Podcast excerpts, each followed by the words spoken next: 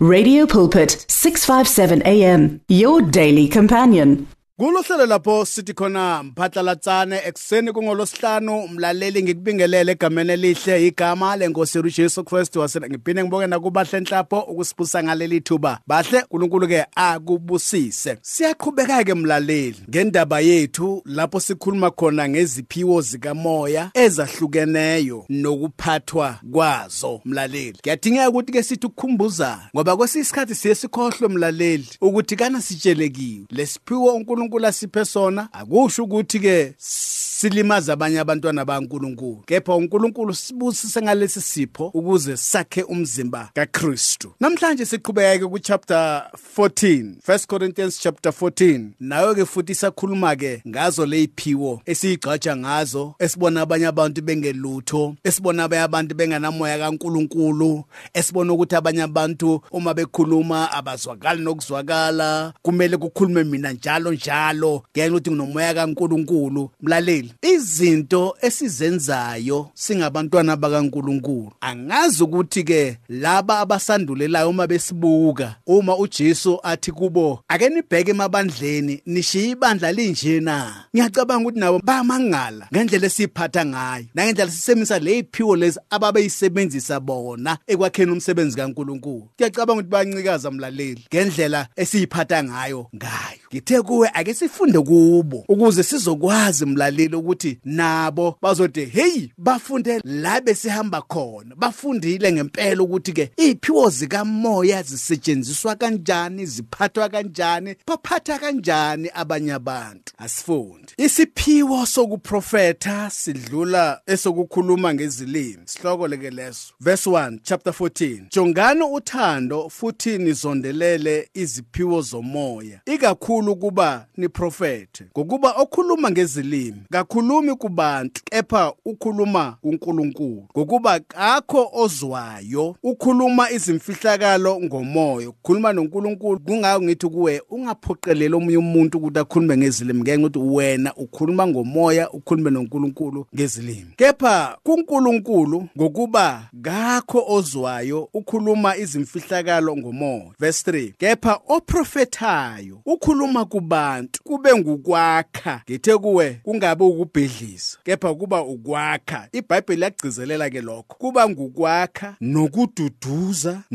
nokuqunga isibindi. Profethi kaNkuluNkulu ngiyaphinda ngiyabuza. Isiphiwo leso sokuprofetha uyakha yini na? Uma uzongitshela ukuthi ngithakatha umakhelwane uyangakha mina na? Noma uyangilimaza ukuthi ngibheke umakhelwane ngesolinye? Uma uzothi umamazala wami uyangithakatha uyangakha na? Noma uyabhidlisa uma ngizothi phakathi ebandleni kukhona abathakathayo nangi bakhombe ngilentuza ngemine ngiyalakha ibandla la noma ngiyadiliza.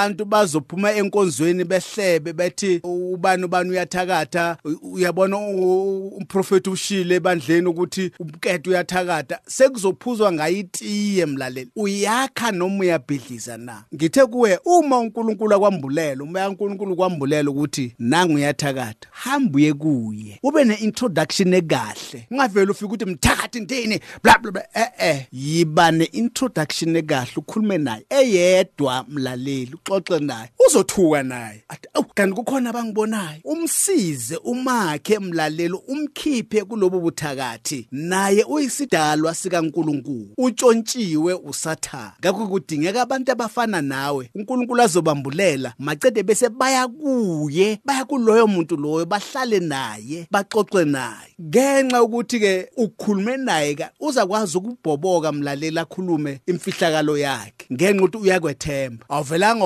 waphahluka nje wayema lapha epulpiti. Nanga umthakathi nanoma uNkulunkulu akwambulela. Mlanda uhlale naye phansi khulume naye umazisa ukuthi lo msebenzi awenzayo awukho right mumbi uzokwazi ukuyeka mlaleli. Ibandla lizophuma baye emakhaya bangazi lutho futhi. Mlaleli. The following day uma ngasizeka futhi uzobuya bese kuba uyena mlaleli kuyophuma kuyena. Bese ema lapha phambili ate bazalwane. Ngibonga uNkulunkulu ukuthi sikhonza uNkulunkulu ophilayo. Bengenza 1 2 3 4 5 umfundisi wangilana. Kuyophuma kuya nanoma ngeke kusho lokho kodwa wena wenzile umsebenzi. Hayi ukuthi uzommisa phambili bazalwane nangu uyathakatha mthakathi. Sasi uyobulawa abantu futhi umthetho usebenza ngeevidence. Izinto zikamoya mlaleli kumele sidile ngazo ngokukamoya singadili ngazo ngokwenyama. Phela inyama lesiyenzayo ukhomba umuntu ukuthi uyathakatha inyama. Dila ngaye spiritual ukhulume naye. Mlaleli ake ngiphinde futhi. Verse 3 kepha oprofetayo ukhuluma kubantu. Kube ngukwakha mlaleli nokududuza mlaleli nokuqunga isibindi. Verse 4 okhuluma ngezilimi uyazakha yena. Kepha oprofetayo wakha ibandla mlaleli. Ngithe kuwe ungalidilizi ibandla.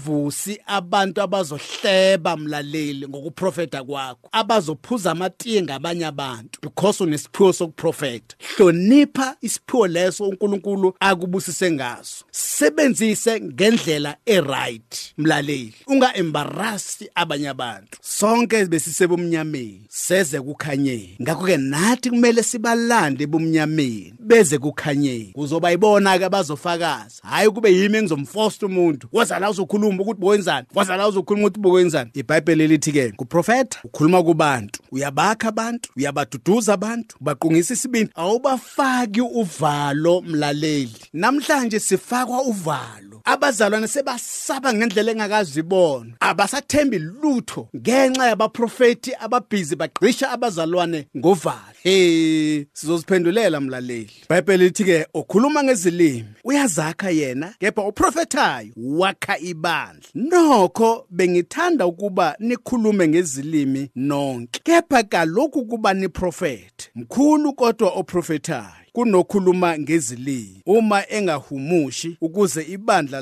lakheke. Usuyabona umehluko? Mkhulu oprofetayo ngenxa ukuthi ke wakha ibandla okhuluma ngezilimi naye futhi uma ukuthi kukhona ohumushayo ibandla lakheke. Hayi njalo nje sisiyeza umuntu athi uyahumusha uNkulunkulu unani uNkulunkulu uthi nginani. Njalo nje uNkulunkulu uthi nginani. Urepeat into eyi1 mlaleli. iBhayibheli liyasho ukuthi angeke sishiye angeke siyekelele yoba nathi until the end of the world. Humusha ngendlela efanele mlaleli ukuze ibandla likaNkuluNkulu lakheke. Ake ngiphinde kuverse 5 nokho bengithanda ukuba nikhulume ngezilimi nonke kepha kakhulu ukuba niprofethe mkhulu kodwa oprofetayo kunokhuluma ngezilimi. Uma engahumushi ukuze ibandla lakheke mlaleli. Ake sigcine la ngenxa yesikhathi soqhubeka bahle intambo ekhaya mlaleli The words of the Lord are words of life Your heart is on 657 AM. 657 AM. Radio for believers in action.